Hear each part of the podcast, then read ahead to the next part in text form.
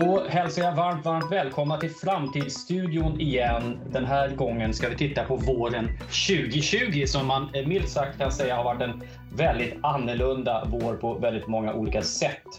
Vi har sett en pandemi för första gången på länge på planeten. En pandemi som utspelar sig i en tid av fria, eh, fri dialog, sociala medier, Eh, transparens, eh, likväl stater som ibland mörkar vad som händer och andra som använder det här i politiska syften på olika sätt.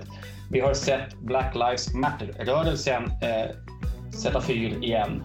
Eh, och vi har sett en hel del andra skeenden som vi ska fundera lite över tillsammans med två av mina kamrater här i studion. Det är Daniel Lindén, framtidsstrateg på Caris Future och Thomas Fyldt, numera hedersalumni eh, i Caris Future kan man säga. Varmt välkomna till Framtidsstudion.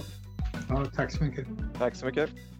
Eh, det gäller ju att eh, tänka till lite innan man tar sig an ett så gigantiskt samtal. Så de här båda herrarna har fått eh, chans att fundera på några påståenden om vilka effekter det som har hänt under våren kommer att ha för framtiden. Vad kommer egentligen spela för roll det som har hänt? Vilket av det har betydelse? Och eh, innan vi ger oss in på det vill jag ändå ställa frågan. Thomas, eh, du har ju arbetat länge på Harris Future i evigheter men är inte aktiv längre. Eh, docent i historia och när jag åker ut och håller föredrag så möter jag ofta folk som frågar ifall, ifall, jag, ifall du fortfarande är omkring i verksamheten. Du har gjort ett stort intryck på många, många människor. Men hur har coronavården påverkat dig och ditt liv? Ja, alltså jag lämnade Kairos Future två dagar innan den satte igång. Perfekt. ja, eh, senior advisor säger de att jag ska kalla mig numera på eh, Kairos Future. Men jag är ju inte aktiv längre som du säger. Jag är ju 70 plus och det har ju påverkat mig och hustrun som fyller 70 år. Eh, så att eh, vi har i princip varit i någon slags frivillig karantän sedan i mitten av mars och, och eh, alla mina aktiviteter, olika fritidsaktiviteter och annat de har eh, skett via Google Meet eller Zoom så att, eh, och nu sitter jag på Teams där. Så att, eh, jag har varit uppkopplad var och varannan dag och haft kontakt på massa ställen. Men sen är det Linas matkasse som gäller och numera sen ett par veckor tillbaka ute i skärgården. Och några enstaka besök en sen kväll på en livsmedelsaffär. Så att, och, och sen några grannar som man talar med på avstånd. Så att, eh, det, det, har ju påverkats mycket på det sättet. Å andra sidan har jag kontakt med folk i Nya Zeeland och USA och annat som ingår i mina nätverk. Så att eh, på ett sätt är jag med, hela, med folk runt hela världen. Samtidigt inte kan röra mig i fläcken på ett sätt. Det har ju pratats en del under corona här med, i början i alla fall var det mycket snack om, om eh, 40-talister som eh, eh, tyckte att de kunde få göra som de ville och inte behövde bry sig om några rekommendationer. I, bland dina jämnåriga, hur har, hur har eh, det här fördelat sig? Har det varit både mycket försiktighet och mer rebelliska uttryck? Eller hur, hur har det varit? Nej, det har varit mycket försiktighet skulle jag säga. I början var det väl så att en del inte riktigt ville ta det på allvar och det tog väl ett tag för mig också för att det skulle sjunka in. Men när de gick ut med det här eh, 70-plussare då tycker jag att då, de 40-talister, och det är ganska många som jag har att göra med, de eh, eh, har eh, gått i någon slags frivillig karantän mer eller mindre så att säga. Och mm. dessutom irriterat sig över när man är ute och går, vilket man ska ju vara också, att det är snarare de yngre som inte har uh, hängt med riktigt och fattat uh, allvaret i det här. Nej, det fick ju stort genomslag i början att det här var framförallt en, ett hot mot äldre och det stämmer ju fortfarande. Men statistiken har väl något uh, förändrats under våren också. vilka det är som faktiskt har ja, ja. avlidit av sjukdomen. Ja, nej, det, alltså, det, det, är ju en missuppfattning. Alltså, där tror jag media har gjort en jätteblunder lite. Alltså, det är ju inte så att folk, folk över 70 plus är, eh, riskerar och, och eh, eh bli sjukare så att säga. Men när de blir sjukare så behöver de mer vård och det är väl det som är, är gjort att, att, man har satt upp en sån gräns. Men den är ju oerhört fyrkantig. En del av oss 70-plussare har väl en biologisk ålder som är 55 kanske och mm. andra som är 55 har en biologisk ålder som är 70 plus. Så det där är oerhört grova kategorier liksom. Men ja. jag befarar liksom många andra, Karin Thunberg skrev ju om det och andra i, i, i, i Svenskarna då, någon kolumn om det att uh, hela den här idén som vi på Caris Future har jobbat med, rekordgenerationen och så vidare, flytta pensionsåldrar uppåt eller göra dem flexibla och så vidare att den i viss mån kan rullas tillbaka när ens barn sitter och förmanar sina föräldrar att nu får du inte göra det och nu får du inte göra det. det för det är något jag också har hört både från egna och kompisars barn. Just det. Jo, det har jag också en god vän som tror skälla ut sina föräldrar för att han tyckte att de tog för mycket stora risker. Eh, det är intressant. Eh, men du, eh, vad säger Daniel, hur har det påverkat ditt liv?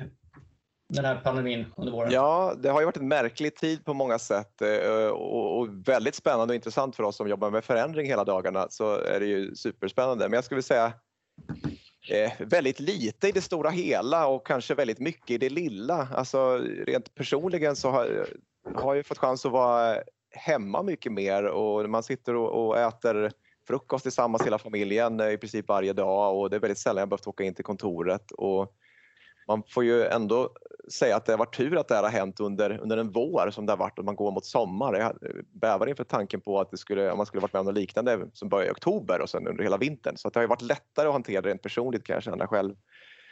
Professionellt har vi också på Kairos fått lära oss väldigt mycket nya spännande saker. Eh, både att studera världen i snabb förändring och liksom när hela människors liksom, idéer om vad som är möjligt och så luckras upp och det här skapar nästan som en portal liksom, varigenom man kan se andra framtider ta form i realtid. Alltså både för sig själv men också i andra människors ögon. Eh, och så ser man liksom det här narrativet om krisen är på väg att formas hela tiden. Det kommer ju inte landa förrän det här är på något sätt över och efterdebatten kommer. Men spännande att följa det där. Och mm. Vi tvingas ju följa det väldigt noggrant eh, i vårt dagliga värv så att säga. Och har ju fått köra workshops och stora processer med helt nya verktyg. Alltså helt nya, vi har väl använt liksom distansverktyg innan men nu har vi liksom haft det som utgångspunkt. Det, det är det som är det normala. Eh, så det har varit väldigt lärorikt.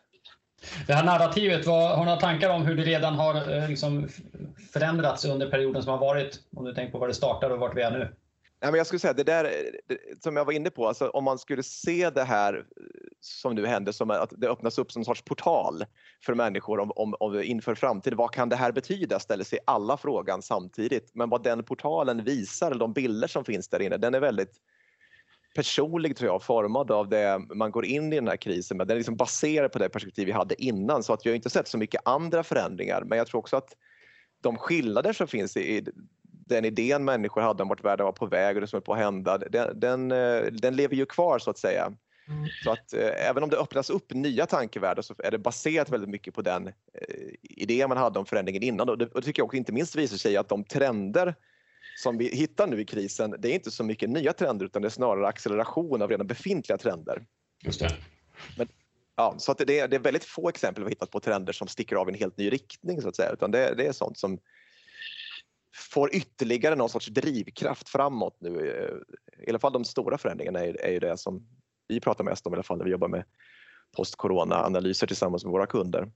Just det. Thomas, du har ju den som absolut längst historiskt perspektiv av oss som samtalar här nu. Eh, relationen politiken och experterna har ju diskuterats. Eh, har politiken egentligen fattat besluten eller har man lutat sig för mycket mot tjänstemän och så vidare? Vad, vad är dina tankar? Ser du någon skillnad det här tror du för, för 30 år sedan eller, eller vad, vad, vad ser du? Vad tänker du om det? Ja, men alltså det, vi har ju aldrig haft en samhällskris där experterna till den grad har varit forskare, naturvetare på det sätt som vi har nu. Va? Alltså de experter som politiken har lutat sig mot, det har ju varit samhällsvetare och det är mjuka vetenskaper som dessutom många gånger är influerade av politiken och olika ideologiska föreställningar. Det här är något helt nytt när politikerna måste förhålla sig till en kunskap som de inte alls behärskar. Va? Och även journalistiken är samma, de behärskar inte det heller. Det tycker jag man har märkt mycket i intervjuer och annat. Att, att eh, eh samhället funkar inte med den här, eh, de här två berättelserna enligt det gängse sättet. Och det tycker jag är jätteintressant så att säga. Vare sig det nu är forskare som på Folkhälsomyndigheten som Tegnell och kompani som har fått ett stort svängrum i förhållande till politiken. Eller om det är Trump och, och hans, den här doktor Fauci eller vad han heter, eh, som har ett mycket mindre svängrum men ändå har tagit en position som är central. Va? Så att, eh, ja, det är något nytt på det sättet tycker jag. Det, det, Daniel sa att det är trender som förstärks men här finns också paradoxer och, och, och eh, även nya saker. Det här är något helt nytt när politiken ska förhålla sig till naturvetenskap. Samtidigt intressant, för vi har ju haft en, en eh, framväxande eh, global förebild i Greta Thunberg vars egentliga krav är att politiken ska lyssna på, på vetenskapen. Men där har det inte alls varit samma eh, iver till att göra det. Jag förstår att det finns en massa andra faktorer till det. Men tror ni att det skulle kunna, det, det synsättet, kommer, kommer vetenskapen eller forskningen vinna eh, makt gentemot politiken och ideologierna i, i förlängningen? Vad tror du Thomas? Ja, vet inte, tveksam till det. Alltså, skillnaden med, det är klart att det är naturvetenskap, klimathot och miljöpolitiken, där, där, det är det nya så att säga. Men det är fortfarande mycket politik och ideologi och något avlägset också. Medan det här med corona, det är liv och död och här och nu. Va? Eh, och särskilt i ett sekulariserat samhälle som eh, vår värld är till stor del, i alla fall den värld som vi är uppkopplade mot så, så är det något nytt i alla fall. Alltså det här hardcore eh, naturvetenskap som i viss mån kan påverka vem som ska dö och leva. Mm. Det är mm. något annat än ett klimathot som ligger 10-15 år framåt.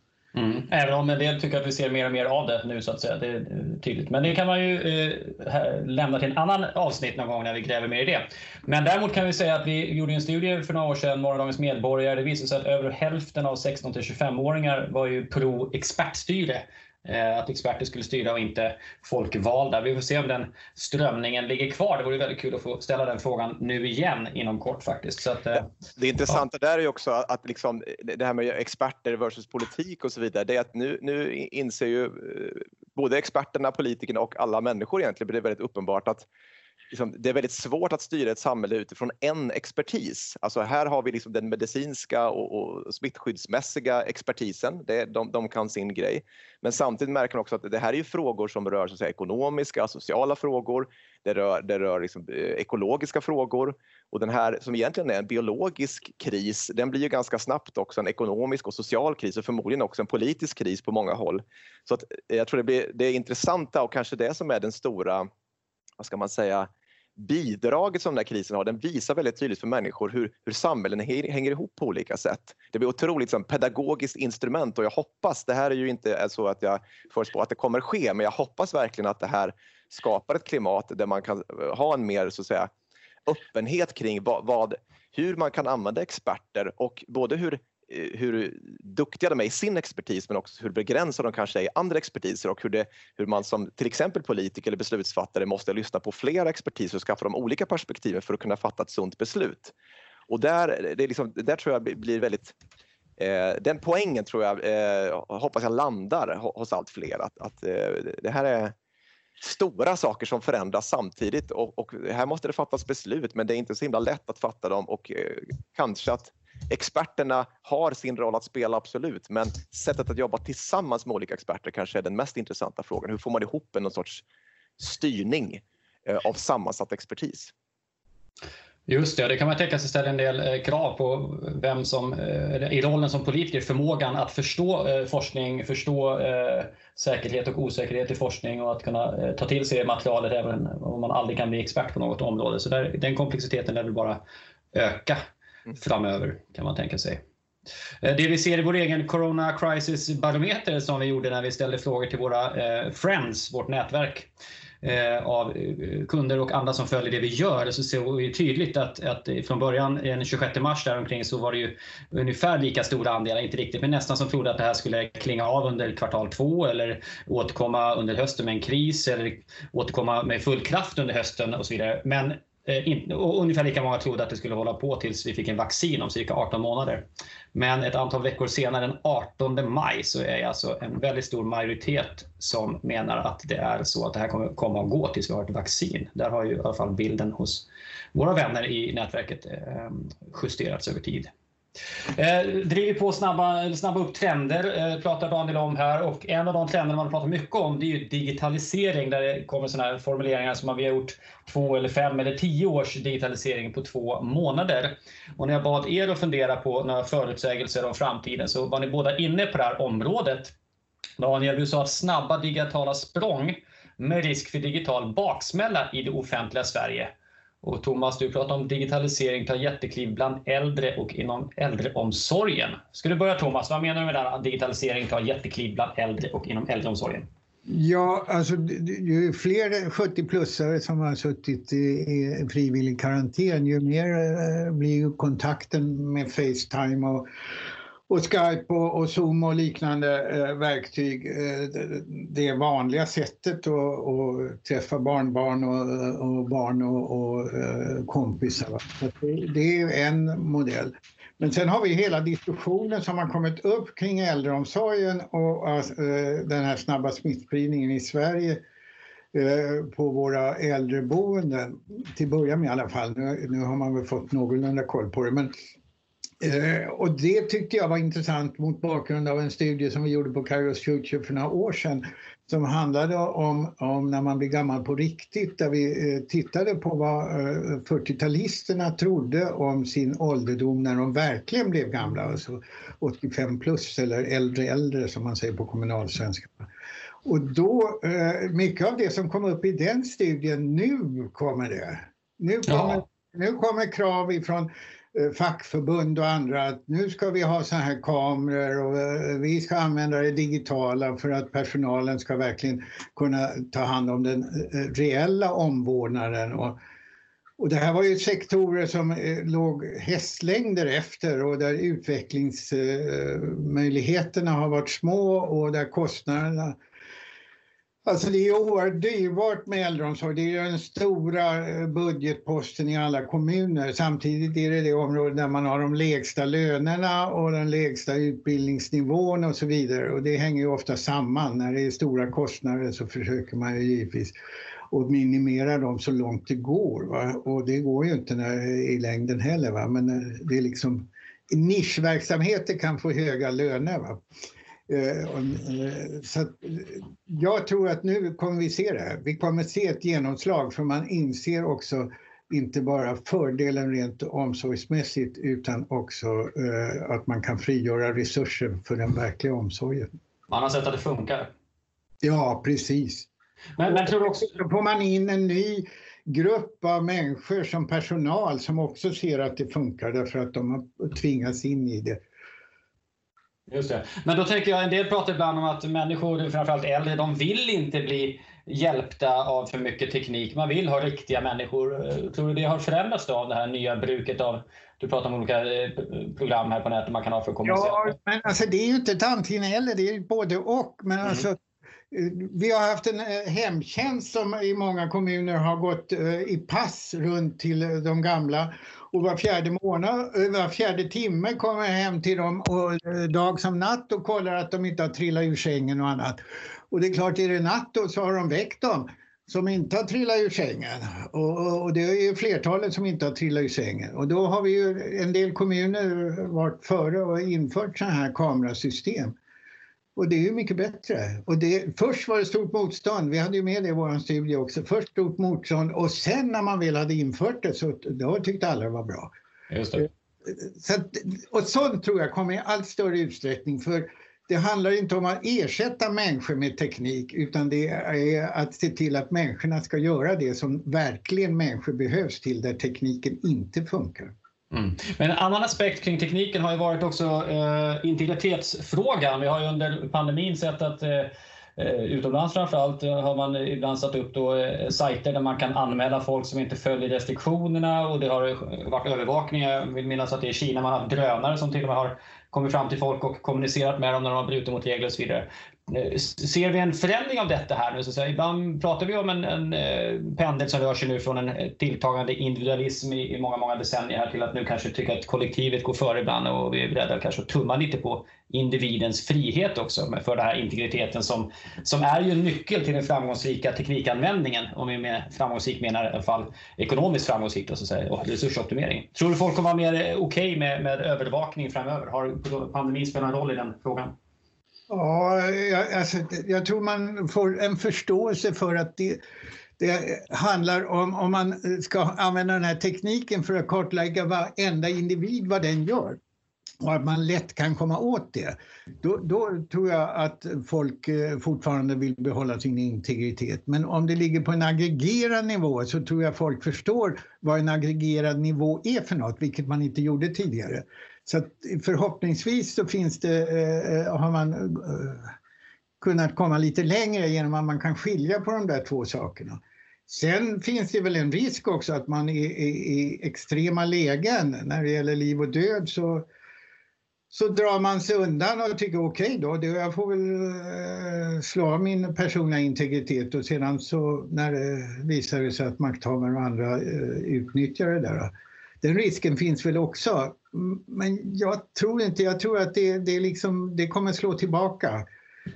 Jag läste en oerhört intressant eh, analys om, om i det fall populister eh, använder det här för att, att eh, införa mer auktoritära styren så så funkar inte det för att, för att populister ska fungera så måste de uppfinna sitt hot själva och kunna kontrollera hotet. Men pandemin är liksom, det är ingen som följer nationella gränser eller som följer eh, olika auktoritära ledares vilja så att säga. Så att de kan slå knut på sig själva i själva verket. Mm. Intressant tanke. Daniel, eh, vill du kommentera något av det som Thomas säger? Eh, men jag tror egentligen så här, om man tar det här med eh, Alltså ja, eh, corona har ju eh, tvingat både organisationer och människor till språng vad gäller sin så att säga, digitala användning och det gäller ju både de som redan var så att säga, avancerade så, som kan utvecklas men också de som kanske använde eh, teknikens möjligheter ganska lite. Alla har ju tvingats fram rätt fort här. Organisationer som kanske hade en ganska trög rörelse mot eh, alltifrån distribuerade arbetsplatser till teknikanvändning i sin yrkesutövning har ju väldigt snabbt insett att oj då, det här kanske inte var så svårt och krångligt. Eh, möjligen får man sidosätta några regelverk eller vissa av de där problemen man såg när man skulle jobba med det innan fick man sätta åt sidan för nu, nu var det av nöd så att säga. Nu var det med kniven mot strupen man fick få fram lösningar. Då. Så där tror jag att det har verkligen katalyserat eh, utvecklingen men också framförallt användningen eh, av digitala hjälpmedel för att öka värdeskapandet i samhället. Eh, när det kommer till dataintegritet bara, för den tycker jag är intressant ja. med. Där, där har jag redan, redan innan den här krisen drog igång menat att det här med, den skärningspunkten handlar om en balans mellan det värdeskapande människor får ut och de potentiella risker man ser. Och de där riskerna är ju alltid mer så att säga, diffusa men så länge värdeskapandet är tydligt och uppenbart för mig som användare så är det ganska oemotståndligt. Alltså skapa någon en bra tjänst som människor tycker är jättebra, användbar och som verkligen eh, skapar värde i deras liv. Då kommer, man ju, då kommer människor i gemen använda den. Och förhoppningsvis så är det ju ett, ett bra grundtänk där med, med, hur data och sånt används. Men möjligheten att skapa värde genom data, det, menar, den blir ju allt tydligare i all, allt fler områden nu. Så att jag har svårt att se att inte... Alltså jag tror att det, det är frivilligheten som kommer så att säga eh, vara nyckeln här. Sen kommer det leda till kriser och, och avarter, absolut. Det där kommer nog leva med i 10-20 år så att säga. Eh, men sakta men säkert kommer ändå människor vänja sig vid att använda den här typen av verktyg. Vi är liksom inte färdiga någonstans utan vi är nog bara i början på den här resan. Mm. Men du pratar också din spaning här om snabba digitala språng med risk för digital baksmälla i det offentliga Sverige. Vad är det för mm. baksmälla?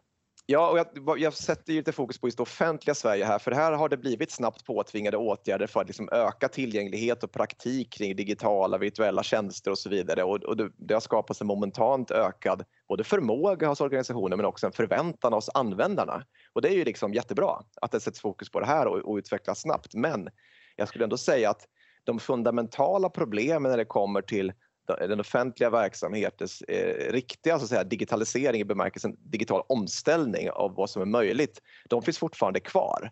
Och då, vad är det vi pratar om då? Ja, men då är det att man har en, ofta en väldigt föråldrad och omodern IT-infrastruktur. Man har en omodern styrning och det finns stora kompetensglapp både från politisk nivå men också medarbetarnivå. Nej, vänta, backa nu bara lite. Du ja. säger en, en gammal eh, omodern infrastruktur. Vad menar du med det? Eh, hur, hur gammal är den? Eh, ja, det varierar nog, för jag tror att här kan man inte dra alla så att säga, kommuner och regioner över en kam. Det här skiljer sig nog rätt mycket åt. Alltså det finns rätt stora skillnader i vilka resurser man lägger på det här, de synsätt och satsningar man har mellan landets olika kommuner och regioner. Och det är också ett av problemen i sig, alltså att man låter en massa samordningsvinster gå förlorade genom resurspooling och gemensamma satsningar. Det är inte så att de inte finns, men de sker förmodligen i alldeles för liten skala för att kunna göra saker möjliga för de flesta så säga, kommuner och regioner. Ja, men när du säger omodernt, är det programvaror som är fem år gamla eller vad menar du? Ja, både hårdvaror och framförallt skulle jag säga mjukvaror och de stödsystem som finns. De säkert fungerar för att de, de fångar rätt väl så som verksamheten eh, har fungerat under de senaste årtiondena. Det stora skillnaden nu är att nu behöver man ju rita om processerna för hur, hur man så att säga ska skapa de här tjänsterna och då håller inte de där eh, de här i, i, verktygen man har jobbat med sen innan, så då måste det skapas nya verktyg. Just det, den... du, pratar, du pratar om decenniegamla system. Ja visst. Ja, visst. Och ja, där är också en sån där, förutom liksom styrning och kompetensglapp som finns då, för jag tror inte att det, det finns säkert jättedriftiga och duktiga eh, IT och datavetare, men, men, det är inte de som sitter och styr och liksom, de har inte blicken för riktigt vad som är möjligt, så därför blir beslutsprocesserna väldigt långa. Och ett annat symptom på det är att mycket av den digitala utveckling som faktiskt sker, som alltså massa positiva små projekt hela tiden, det sker snarast på projektnivå, alltså på driftbudgeten, på, som i den löpande små utvecklingssteg, snarare än att man ser det som en, liksom en investering, alltså på det, på det, i det långa perspektivet. Mm. Det gör att vare sig den ekonomiska bärigheten eller den kompetensmässiga bärigheten kring den här utvecklingen den, den, finns liksom inte etablerad skulle jag säga just nu. Möjligtvis kommer det här sätta fokus på det men jag ska säga att när jag menar att säga digital baksmälla då menar jag att de förväntningar som nu byggs upp över det som kanske ska säga, instrumentaliseras och, och som blir någon form av grundlogik den kommer ha förmodligen ytterligare några år att vänta på sig. Och så där kan det finnas en viss besvikelse, både bland de som nu börjat jobba med spännande verktyg från eh, kommuner och regioner men också från användarna själva. Men varför konkretisera? Du menar att nu börjar medborgare eh, liksom ha idéer om hur service kommer gå till och, och, hur snabb utveckling kommer gå till och så vidare, men det finns inte förutsättningar för att leverera till de förväntningarna? Inte i, det, precis, inte i större skala för att någonstans kommer det fortfarande falla tillbaka på men, men är det rättssäkert, är det tryggt och så vidare. De där frågorna kommer komma tillbaka. Kanske sätts det lite på undantag men, men det är ju momentant nu. Men jag tror att när vi ska liksom skapa de stora lösningarna så finns de här trögheterna kvar. Det är min mm. i alla fall hypotes. Mm. Det är intressant också för att jag har ju förstått från flera håll att man har överraskat sig själv inom det offentliga eh, med hur snabbt man plötsligt kan fatta beslut. Eh, och att det har varit nödvändigt att göra det och beslut som eh, gissningsvis också rör om, både om så att säga, medarbetares rättigheter, man, man får byta och jobba på andra enheter, man får ställa upp där det behövs och så vidare. Men säkerligen också hur vi hanterar ny teknik och så vidare. Kommer det här beslutstempot, tror ni, kommer det på något sätt påverka hur snabbt beslut kommer tas i framtiden? Har, har byråkratin snabbats upp med någon bestämd effekt? Vad tror du Thomas? Ja, det tror jag ju på sätt och vis. Alltså när det är sådana här lägen, det, det, såg vi ju i de här skogsbränderna också, hur, hur man eh, efteråt började fundera i nya termer. Och, och, det här har skett under resans gång så att säga. Och det, jag tror att det ytterst har att göra med att det här handlar om liv och död också. Eh, då kommer allvaret in snabbare. Så att säga. Mm. Eh, men alltså, jag ser en annan problematik i det här också. Det, det är ju att det är inte eh, bara en fråga om IT-omognad på vissa håll och, och, gamla system och så vidare. Utan det är ju eh, hela den här coronasituationen eh, eh, har öppnat ögonen för hur samhället egentligen ser ut. Alltså, många gånger så, så kanske man inte har tänkt över det. Och då, då kan man fråga sig hur ska våra ekonomiska system eh, i offentliga system fungera med den här nya tekniken? Vi hade debatten om de här eh, eh, sjukvårdsapparna som, eh, och en utredning om det också alldeles innan corona kom väl den va? Och, och, eh, nu måste det här komma i ett helt annat läge så att säga med, med eh, där den offentliga sjukvården, jag har hustrun som har en eh, underliggande sjukdom här, hon, eh, hon går inte till läkaren givetvis utan hon har ju videosamtal med vårdcentralen. Eh, det var inte tänkbart om hon inte hade anslutit sig till Kry eller något sånt där tidigare. Så, så att eh, det går snabbt nu.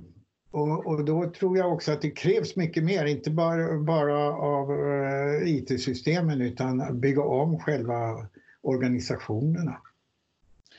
Ja, det här är ju enorma förändringar vi pratar om nu. Eh, när, alltså om det här skulle gå fort att bygga om ett sånt här system, vad, vad tror du vi pratar om för tidshorisont? När skulle man vara färdig om man satte full fart idag?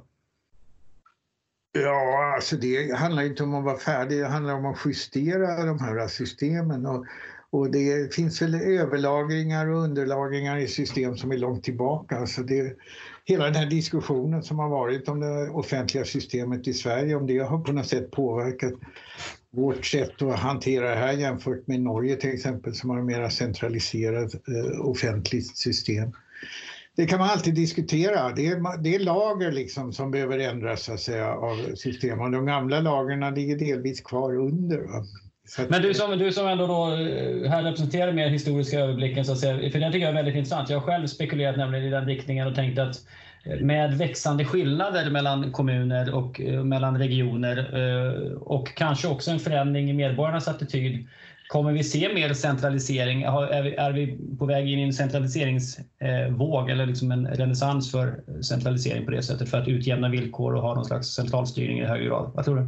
Nej, jag tror inte det. Jag tror, alltså, jag tror vi delvis håller på att övervinna några av de här dikotomierna som vi är så vana att föra våra, uh, vårt samhällsdebatt i. Alltså, det handlar inte om centralisering och decentralisering, det handlar om både och. Alltså det är paradoxer på något sätt. Alltså, vi blir mer, äh, avglobaliseringen leder till att vi blir mer och mer kosmopoliter på något sätt. Va? Äh, och stängda gränser har lett till att vi har blivit mer kosmopoliter för att vi umgås via nätet med folk på andra, i andra länder och så vidare. Va? Och jag tror att vi kommer se samma tendenser i, i den offentliga eh, organisationen också. Att det är både och. Det är inte mm. ett antingen eller. Eh, och det, det, det, tror jag är, är nog lärdomen av det här eh, pandemin. Att, att eh, några av de eh, stora dikotomier vi har jobbat med i samhällsdebatten, de är inte giltiga längre. Mm. Daniel, tankar om det? Mm, många. Eh, eh, fr frågan du ställde handlar väl lite och, och först om så här, hur lång tid kommer det ta? Det, det, det är ju en, en såklart tuff fråga att svara på eftersom eh, hur lång tid kommer vad ta? Alltså vad specifikt? Men om man skulle prata där kanske någon sorts digital omställning vad gäller både någon form av IT-infrastruktur som är ändamålsenlig för att bygga från men också en arbetssätt som Thomas är inne med på liksom de produkter och tjänster som byggs ovanpå det det skulle nog, en snabb utveckling skulle nog vara fem år, men jag skulle snarare att det tar nog ett decennium och 2020-talet kommer att handla delvis om det skulle jag säga. Mm. Men, men de här dikotomierna är ju superintressanta. Jag tror inte heller att det kommer bli så pass ehm, eh, tydligt att liksom, nu går vi mot en generell centralisering. För jag tror att det, det, måste vara vissa, vissa saker, om man tittar på efterdebatten av corona skulle jag gissa att det kommer nog handla om centralisering. Eh, hur, hur agerade eh, olika typer av myndigheter och liksom eh, förvaltarbärare, eh, alltså institutionsbärare, hur reagerar de under den här krisen? Det var det ändamålsenligt det vi såg att vi skulle ha liksom ett 20-tal olika regioner som själva skulle bilda sin uppfattning. Hade det varit bättre att ha centraliserat? Ja, då kanske vissa hävdar att jo, men det hade varit bättre med centraliserat, andra inte. Där kommer säkert de här vågskålarna puttas lite och vissa kommer nog puttas mot mer decentralisering och andra kommer puttas eh, mot mer centralisering. Så jag tror inte heller det finns ett entydigt svar på det. Men däremot så tror jag att förväntan om att, så att säga, staten ska bygga upp en förmåga att hantera de här kriserna, den kommer öka. Så där har väl i alla fall jag en hypotes om att staten kommer känna av den här förväntan och försöka stärka sin roll i många frågor. Och sen kanske det är så att regioner och kommuner kommer hålla emot i, i många av de frågor där de känner att här ska vi ha mer rådighet. Så det, det, det återstår att se, men det kommer bli en intressant debatt att följa eh, under kommande år här. Mm. Det här var ju då eh, era hypoteser om hur digitaliseringen kommer eh, utvecklas och hur den har utvecklats under den här perioden. Men du Daniel hade ju också en eh, spaning kring att vårdens vedermödor har bara börjat. Är det det här systemskiftet du pratar om eller är det någonting annat? Ja, del, nej, delvis det kanske. Alltså, vårdens vedermödor Eh, alltså vården har ju haft det tufft eh, redan innan coronakrisen drog igång med stor belastning eh, liksom, och till viss del kapacitetsbrist vad vissa saker men framförallt brist på arbetskraft och kompetensförsörjning som inte riktigt fungerar. Samtidigt som man då har stora liksom, resurs och reformbehov. Men det finns liksom ingen konsensus eh, i, i politiken hur man ska hantera det och det är inte heller någon jätteprioriterad fråga. Alltså, det har inte varit högst på agendan så att säga. Och allmänheten har haft en relativt liten men gradvis växande förståelse för vårdens liksom, utmanande villkor och det här var innan då corona. Sen kommer corona och då blir det en momentant enorm belastning och liksom brist på arbetskraft och hur ska man få upp semester och så vidare. Ännu mer ökat fokus på resurs och reformbehov skulle jag gissa kommer av det här. Och allmänheten får plötsligt momentan liksom förståelse för vårdens utmanande villkor och förutsättningar. Men det som också händer i den här krisen det är ju det liksom att planerade operationer skjuts på framtiden. Alltså, jag har inte siffrorna i huvudet men antalet utförda planerade operationer det är sådana vanliga grejer som någon ska operera sitt hjärta och någon annan ska operera sig någonting annat och cancer kan det vara också. De har ju sjunkit liksom till en fjärdedel om man jämför januari med april. Screeningprogram skjuts på framtiden vilket kommer leda till massa oupptäckta hälsoproblem. Och människor befaras också, som jag läste i nyheterna, avvakta innan de söker vård och någonting som kanske leder till värre hälsoproblem längre fram. Och allt det här sammantaget leder till någon sorts vårdskuld, brukar man prata om, som byggs upp av detta nu då, som kommer mm. komma när väl krisen är över. Så när vi går ur det här så ska man ha man förutom då eh, de här problemen som har varit i själva coronakrisen en, en vårdskuld som ska på något sätt arbetas hem. Så att det säger ju att den här arbetsbelastningen och bristen på arbetskraft den kommer ju liksom eh, finnas kvar under lång tid och de här reformbehoven kommer ju, som vi varit inne på nu i det här samtalet, alltså också bli uppenbara. Oj då, kunde man göra mer vård på distans? Och, och fler och fler upptäcker liksom att det där med Kry som har varit kritiserat på många sätt, alltså det, vi måste ju ha en sån lösning och nu finns det ju många företag som jobbar med det så att säga. Men eh, sånt kommer ju vara samtidigt så det kommer vara otrolig liksom press på vårdsystemen att både leverera det de ska leverera men samtidigt då utvecklas och det återstår ju att se nu om de unga människor som växer upp idag i den här krisen som fond, kommer de dras till de här yrkena nu? Alltså, känns det mer spännande att ge sig in i vården eller kommer det snarare bli så att det här stöter bort? Oj då, nej men vården det kanske jag inte vill jobba i. Det, det är för tidigt att säga tror jag men det är det jag menar med att vårdens vedermödor har liksom bara börjat här och de har ett bra förhandlingsläge kan man tänka när de ger sig ut det här liksom, och pratar om villkor och så vidare men, men eh, de problemen som ska lösas kommer ju så att säga fortsätta växa. Ska vi tro att vården kommer vara en eh, het valfråga 2022? Ja, det kommer det ju vara. Eh, samtidigt skulle jag vilja säga att det här har nog också lett till en förändrad syn på hur man ska, om man ska gå till sjukhus och när man ska gå till sjukhus. Det är självklart att det finns en stor vårdskuld men eh, folk till och med med hjärtbesvär har hållit sig borta så att säga. Eh, och innan eh, corona kom så hade vi en diskussion om det här att folk sprang till akuten så fort de var lite snuviga. Och man försökte hindra det här att folk kom till akuten för att de, de verkligt eh, akut, eh, eh, riktiga akutärendena de hindrades så att säga av folk som inte hade där att göra. Och det är ju möjligt att det kommer också bli en liten skepsis mot eh, att man ska inte gå till sjukvården, man kanske kan bli smittad så att säga som vi under corona här. Det är en paradox igen där, tror jag. Så man ska, eh, det kan komma ut en helt annan syn också eh, på eh, när man ska gå till sjukvård eller inte. Bakom allt det här har vi det som vi har diskuterat i tidigare poddavsnitt med Mats Olsson om överföringen eller övergången från den centraliserade sjukvården på sjukhusen till den här nära vården.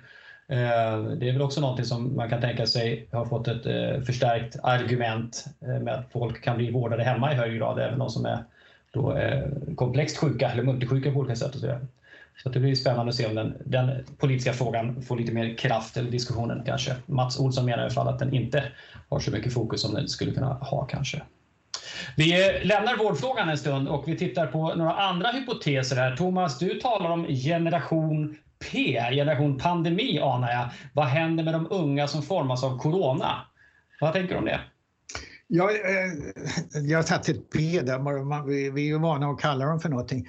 Men vad ska vi kalla den här generationen som växer upp med det här och i, i sin mest formbara eh, ålder, alltså vi på Careers Future har hållit på med de här eh, ungdoms och generationsstudierna oerhört länge och vi, till, eh, den grundläggande idén är ju välkänd men men eh, kort så går det ut på att eh, upp till 16-20 års ålder så påverkas man starkt av sin uppväxt och, och eh, bakgrund och, och, och, under senare delen av uppväxten av tonåren och det samhälle som är då.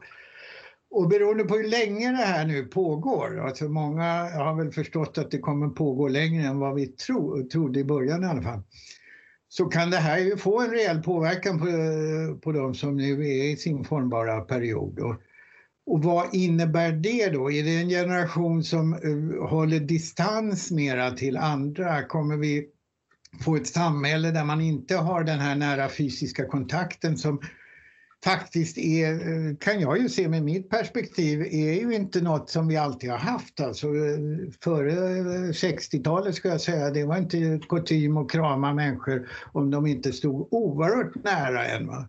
Och hela diskussionen om vem man niade och dyvade och så vidare va, som kunde kännas oerhört avlägsen. Eh, eh, sånt eh, kan komma tillbaka och det här att hålla distans kanske är någonting som den här generationen förstår att eh, det är viktigt även sen corona är borta. Därför ja. att de har formats av det. Det var en tanke jag hade. Och en annan tanke var att det här kanske är en generation som klarar av osäkerhet bättre för att de har vant sig vid osäkerheten under en formbar period och förstår att ja, det, man kan leva i osäkerhet också.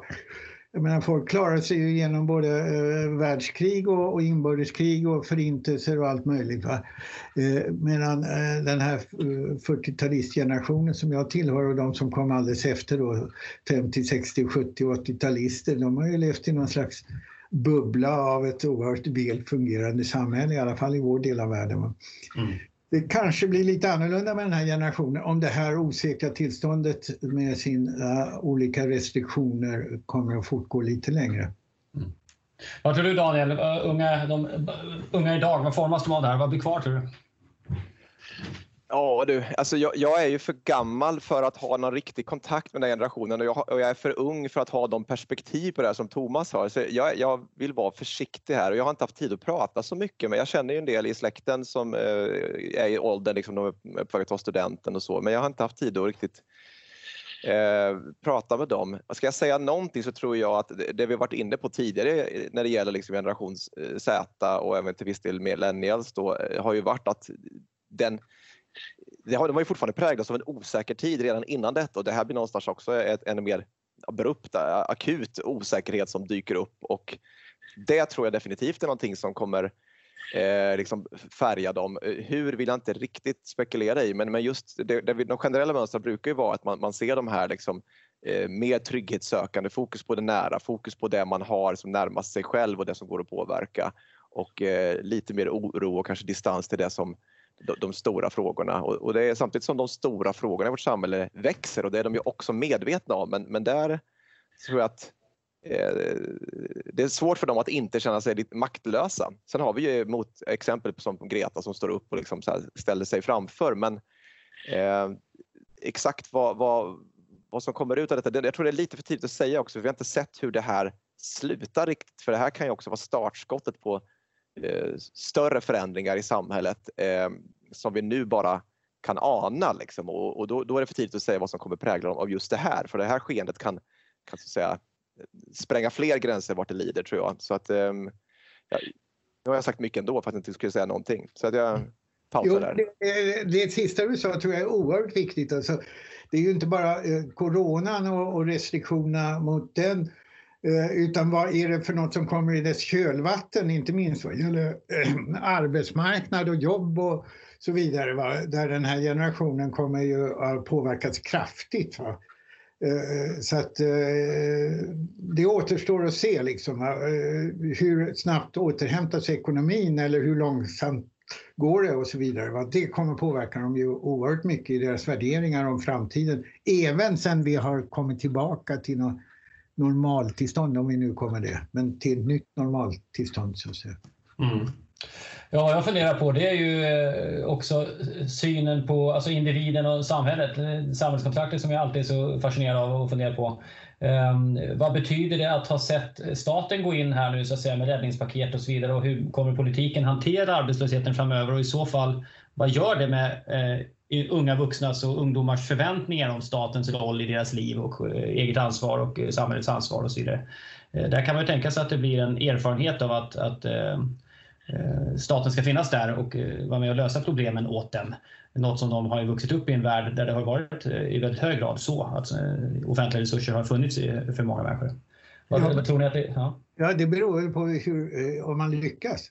Ja, det vet vi inte alls. Alltså, något som vi har sett också, eh, eh, det är ju att eh, som har blivit synligt med de här paketen, det är ju att vi har en helt annan typ av arbetsmarknad, helt andra typer av företag än vad våra politiker vanligtvis är vana vid. Alltså, vi har inga stora industrier eller stora organisationer med tillsvidareanställda människor utan vi har restauranger, turistnäringar och andra oerhört sårbara verksamheter eh, som inte alls fungerar som den traditionella svenska arbetsmarknaden. Och var finns de unga människorna någonstans och deras något äldre kompisar? Just i de verksamheterna ska jag säga. Det är pappa och farfar som jobbade på industrin så att säga. Ja, sen är frågan om vi tittar, tänker oss en bit fram i tiden här och så tittar man tillbaka som ung och så har man då sett Fridays for Future och den mobiliseringen bland unga där och sen så ser vi Black Lives Matter-rörelsen nu som har varit här eh, och är igång fortfarande eh, som, eh, som en politisk engagemang. Så och sen är coronapandemin här. Vilka de här grejerna kommer, hur kommer den balanseras i, i styrka, de här minnena och påverkansfaktorerna? Vad, vad var det som var mest för en ung person att ta in. Det är inte helt självklart för mig att säga i alla fall.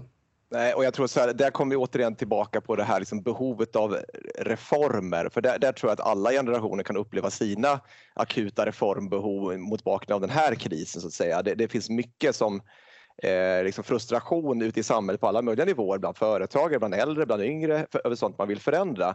Och jag tror att den, den kommer skapa en uppdämd förväntan om, om reformer. Eh, och uteblir de, så att säga, om vi lyckas här, stimulera sönder oss själva till den grad så att vi faktiskt cementerar för mycket och inte riktar de här stimulanserna mot någon sorts utveckling som ju många pratar om att det ska ske, men så har man ganska, ganska olika idéer om vilket, vilken typ av språng man ska ta då. Alltså landar inte det där på, på något eh,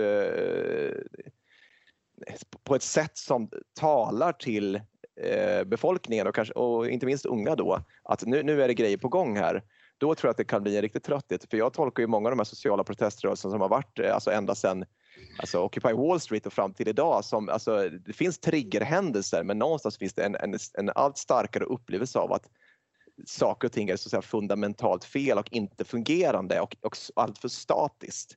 Och det är den frustrationen som kommer ut i, i sådana här rörelser eh, på grund av olika triggerrörelser. Så den behöver man svara upp mot och visa på någon sorts liksom, pro progressivism i någon bemärkelse. Ja, det vi såg vi i den nyss nämnda studien där 2018 så, så, så 48 procent av svenskarna höll med om att samhället behöver byggas om i grunden så att säga för att klara framtidens utmaningar. Det är 48 procent som höll med om det mycket eller ganska mycket så att säga. Men, men det är ändå en betydande siffra för att bygga om någonting i grunden är en rätt eh, stor apparatur kan man säga. ja, för mycket, där kan man ju lägga till då att de, alltså, den, mots, motsatsen var ju så här, nej men jag tror att de institutioner och den samhällsstruktur vi har idag är, är, är, är, är gott nog för att klara av de, de liksom, utmaningar vi står inför. Det var ju bara, jag tror 22 procent. Ja, 26 är framme. Ja, precis. Ja. En kvart. Precis. Vi har ju hittills haft hypoteser mycket här om Sverige och den sista hypotesen som är eh, tydligt fokus på Sverige det är, så här, det är fördjupade förtroendekriser och framtvingade förvaltningsreformer nästa. Mm. Vad menar du med denna alliteration? Ja, men förtroendekrisen var väl det jag lite grann tangerade alldeles nyss här då men att jag tror att det finns, det finns nog många grupper i samhället som upplever att, att eh, nödvändiga reformer har liksom, eh, kommit på efterkälken och, och, nu tömmer vi statskassan och lånen växer i med de här stödåtgärderna. Och det är liksom det är ju ingen stor sak i sig om det inte vore för att det finns liksom ökade resursbehov, stora investeringsbehov som kvarstår inför allt pressad liksom, eh, offentlig ekonomi som är driven av helt andra underliggande förändringar än corona. Samtidigt som liksom beredskapsfrågor, trygghetsfrågor hamnar mer i fokus än tidigare med, med nya undertoner nu då. Eh, alltså försvar och beredskap går från, kanske från särintresse och någon sorts budgetregulator till fokus på mer praktisk och anpassad krisberedskap. Eh, och sen de här så att säga, som vi var inne på tidigare, på grund av digitalisering och de möjligheter som allt fler människor nu ser, det skapar också ett förväntanstryck. Mm. Så att där borde ju svaret i slutändan bli liksom reformer, alltså stora potentiella samordningsvinster som finns både inom statlig och regional och kommunal förvaltning, men också inom näringslivet. Eh, så att eh, frågan är egentligen mer bara när det finns en tillräcklig politisk uppslutning kring att ta de här greppen Eh, och, och där är det lite för tidigt att säga nu om vi kommer ha ett sånt klimat. Nu har ju, eh, som de pratade om för några veckor sedan, stridsyxorna börjat eh, liksom, bäras fram här igen eh, i de här frågorna och vi återstår väl att se liksom, vilket här, reformansvar som, som det politiska eh, systemet gemensamt känner här. Men gör man ingenting åt det, alltså, så, så återigen, om man bara stimulerar det befintliga och liksom det kommer ingenting nytt av det så har jag, har jag, tror jag att förtroendekrisen som jag skulle säga att många institutioner redan nu är inne i eh, den kommer förvärras eh, rätt radikalt. Hur tror du politiken hade påverkats om det fanns en större kunskap bland kanske framförallt yngre människor om det ekonomiska system vi haft nu sedan finanskrisen med riksbanker som har eh, spottat ut pengar för att eh, vitalisera ekonomin och så vidare och hur lite verktyg den, den delen av samhället har kvar. Så att, säga. att vi, som säger, vi, vi håller på att stabilisera ett system som kanske behöver byggas om i grunden mm. och vi gör det på ett sätt som få bedömer vara hållbart i längden. Är det här en politisk diskussion som kommer komma upp tror du? I högre grad bland allmänheten? Alltså, jag vet inte, den, den, har ju liksom varit på tapeten redan innan och, och, rört sig och jag tror att de flesta människor och även de som är inne i de här systemen är överens om att det här är inget bra utan man, man är så att säga av nöden tvungen att vidta de här åtgärderna. För jag, jag hör ju många i poddar som jag lyssnar på, liksom massa ledande ekonomer och nobelpristagare som uttalar sig i stil med att ja, nej, det här är inte bra det vi håller på med nu, men, men givet läget så, så är det nog det, det minst dåliga så att säga. Så att, eh, vad var frågan? Jo, om det skulle komma till en sorts bredare insikt om vad vi har hållit på med. Om det ja, kommer det bli en politisk fråga på ett annat sätt? Kommer det koka upp? För du pratar om systemskiften här och en del systemskiften är ju mer så säga, konkret och tydlig karaktär. Man märker att vården inte levererar vård till ens egna äldre och anhöriga eller sig själv och så vidare. Men de här underliggande ekonomiska strukturerna som vi också är inne på eh, kan behöva kanske byggas om om samhället ska fungera på ett mer hållbart sätt. Så att de är mycket svåra att få syn på om man inte anstränger sig, tänker jag. Men kommer det bubbla upp och bli mer synligt? Möjligt. Eh, alltså, de här reformerna kommer komma av på ett eller flera skäl och, eh, det, det, det, alltså, det, och ett av de skälen är inte att de som leder de här systemen idag kommer att liksom hitta på förändringar som behövs utan antingen kommer det komma utomstående aktörer som visar så här kan man göra istället och sen så får de andra hänga på.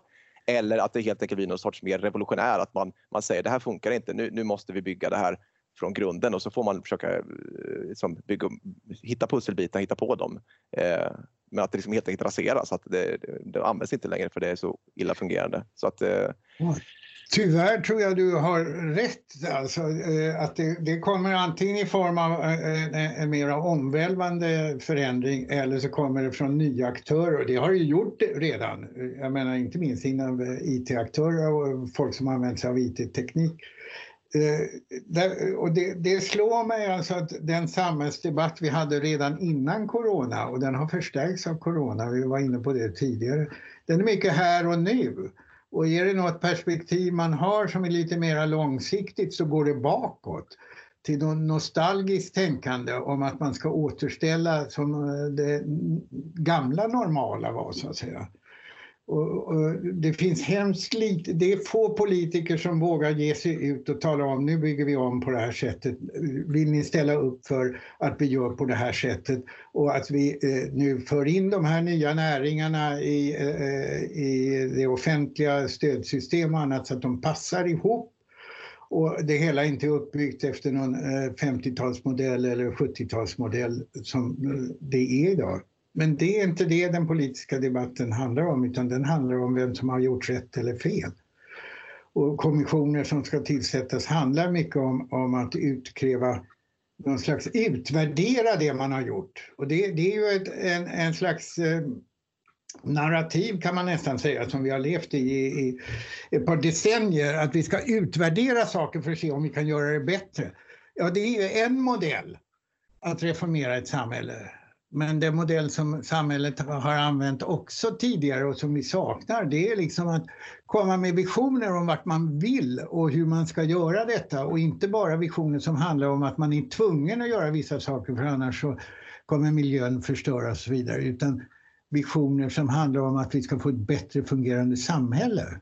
Och det var ju någonting som det svenska samhället har byggts upp med. Men det saknas idag. Det saknas även om vi rör oss utanför Sverige och inom EU. Och, ja, det saknas stora delar av världen helt enkelt.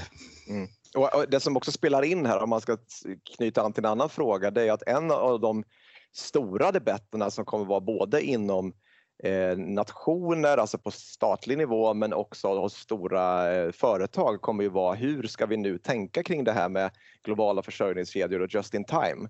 Och skulle, alltså nu är ju inte tongångarna på politisk nivå sådan att det öppnar upp för eh, alltså, nya och tryggare globala försörjningssystem. Och den här rörelsen var ju igång redan också innan corona.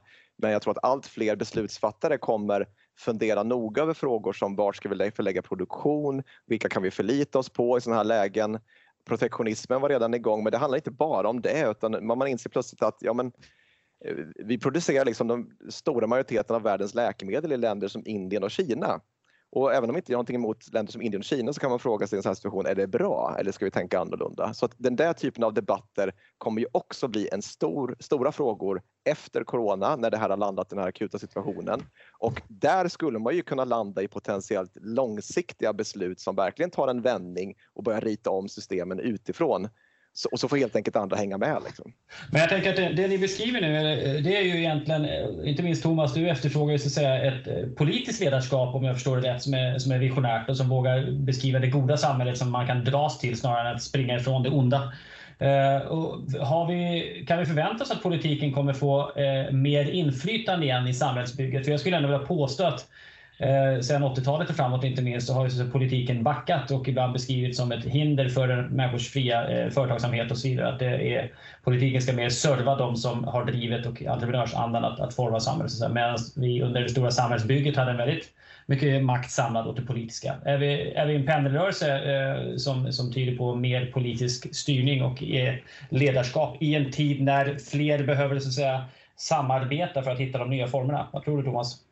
Ja, kanske inte styrning så mycket som idémässiga eh, föreställningar som gör att folk samlas kring olika saker. Alltså, det här att styra saker uppifrån och centralt, det, det funkar nog inte i den värld vi lever i. Men, men, eh, det betyder inte att man inte måste ha gemensamma mål och gemensamma eh, projekt så att säga. Mm. Eh, och eh, det tror jag vi kommer nog få se mer av. Men jag tror precis som Daniel att de kanske kommer utifrån, vid sidan om så att säga och drar med sig eh, politiken i bästa fall. Va? Så att, eh, sen tror jag också den hela, det vi börjar det här samtalet med, det globala och det lokala, det kanske är det regionala och då tänker jag inte på regioner i Sverige utan utan det är världsregioner så att säga. Och jag läste den här eh, Ivan Krasnev heter han, den bulgariske eh, statsvetaren som när han satt eh, i sin corona karantän så har han skrivit en liten essä om, om vad han tror om, om framtiden efter corona. Och, och, då skriver han bland annat om EU, EU som eh, verkar ha tappat totalt och kom på efterkälken och, och eh, länderna, medlemsländerna stängde sina gränser och så vidare. Va? Att samtidigt om, om, om, vi ska klara de här eh, beredskapskedjorna och annat så är det kanske just en regional organisation sett i ett globalt perspektiv i alla fall som EU som kan hjälpa oss med det. Och han målar upp ett antal sådana paradoxer som jag tycker är intressant att tänka i för då handlar det inte bara om, om trender åt olika håll utan eh, det handlar om eh, mera komplexa saker där vi kanske får syn, får syn på det som verkligen händer och det är någonstans mitt emellan de här eh, eh dikotomierna som vi har laborerat med tidigare. Men då upprepa hans namn igen ifall det är någon som vill spana läsarna sen. Ivan Krasnev heter han. Krasnev, okej. Okay. Det, det, är snart dags att lämna eh, Sverige och titta lite mer på era hypoteser om den eh, stora utvecklingen i världen utanför också. Men innan dess, Black Lives Matter har ju också eh, varit igång här i Sverige. Vad betyder det eh, i långa loppet? Eh, unga människor framför allt, men även eh, andra som har engagerat sig i, i solidaritet med kampen om att bli av med den strukturella rasismen som då blåser upp i USA, Eh, men som finns överallt naturligtvis. Daniel, vad tror du? Kommer det här påverka oss i långa loppet? Alltså, jag skulle nog vilja lyfta det lite Alltså, den här typen av rörelser eller yttringar eh, som Black Lives Matter är ett exempel på kommer vi nog se väldigt mycket av. Det, ser, alltså, det finns som sagt någon sorts frustration där ute som, som kan triggas av sådana här händelser. Eh, och eh, ja, det är väl lite så här att det som man ser i Sverige eh, och andra länder nu, liksom, vi, vi, har ju inte alls samma strukturproblem skulle jag säga. Som, det är inte riktigt jämförbart men samtidigt ger det uttryck för någonting när någon väljer att starta upp eh, Black Lives Matter i Sverige. Vilka det är. Jag kan för lite om vilka det är och vad de har för agenda men man ser att de frågor som kletar fast sig i de här rörelserna är ju långt större och mer löst sammansatta än, än vad det kan verka skulle jag säga. Alltså, jag roade mig med häromveckan att läsa igenom Black Lives Matters manifest och det innehåller ju eh, långt mycket mer än så att säga bara inom situationstecken eh, hur, hur svarta människor i USA behandlas. Alltså det, det, är långt mycket mer som går in i det vilket gör vilket gör det både starkt till en starkare rörelse, för det finns många som kan säga, tolka in, ja men det där vill jag också vara med på för att de skrev det här, men samtidigt en svagare rörelse. Och det som är lite svårt med och nästan lite läskigt är att det, de har ju väldigt sällan tydliga ledarfigurer som, som liksom representerar rörelsen. Varför är det läskigt då? Ja, för att det, det gör det betydligt mer ohanterligt både för gruppen som sådan, alltså både för de här rörelserna själva att veta vad är det vi håller på med egentligen, men också för de ut, utomstående att kunna reagera på ett, på ett vettigt sätt på det man ser. Eh, om du jämför till exempel med, med Martin Luther King liksom, som är en motsvarande rörelse för några årtionden sedan. Där fanns det en tydlig ledarfigur som, som, som stod för rörelsen eh, och som var otroligt tydlig med vad, vad han uttryckte eh, och, och vad han stod för och vad rörelsen stod för. Vilket gjorde det liksom lättare för, också för samhället att anamma och, och, och liksom samtala med och, och, och, driva förändring.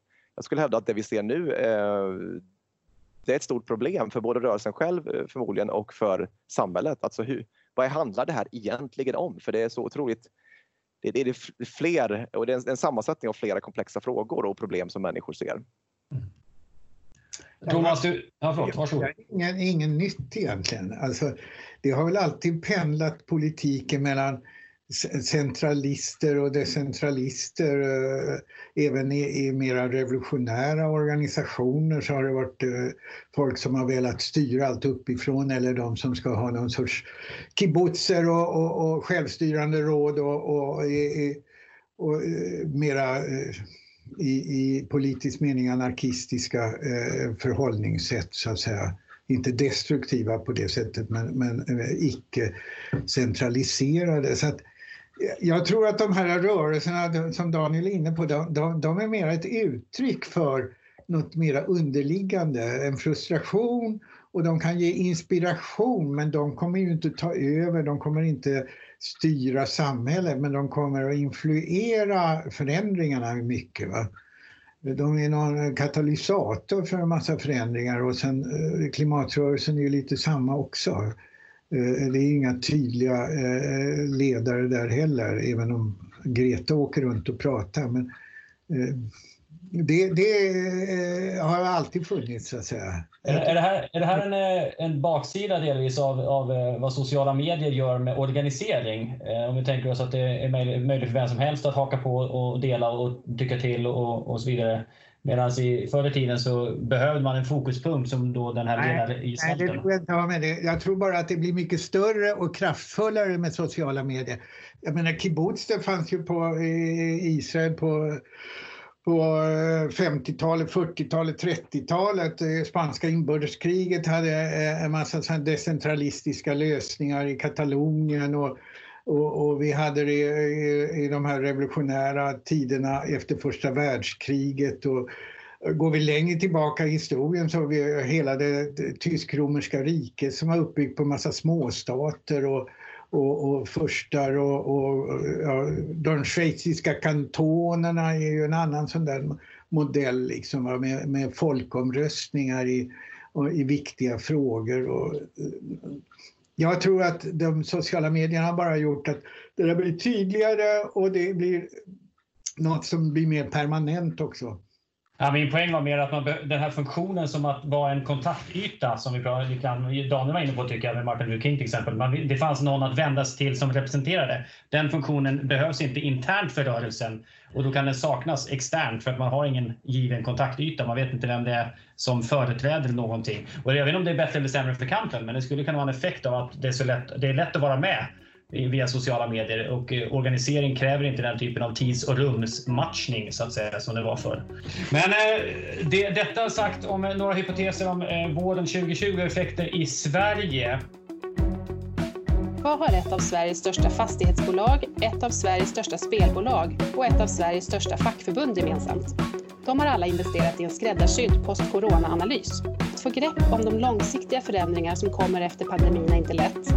I vilken mån kommer vardagen att återgå till det normala? Vilka beslut och åtgärder blir tillfälliga? Och vilka kommer visa sig vara bestående? Även om det fortfarande råder stor osäkerhet kring de totala effekterna finns det redan indikationer om vart världen är på väg. Vi står redo att skräddarsy en process och arbetsform för just era behov. Maila oss på info at så återkommer vi till dig.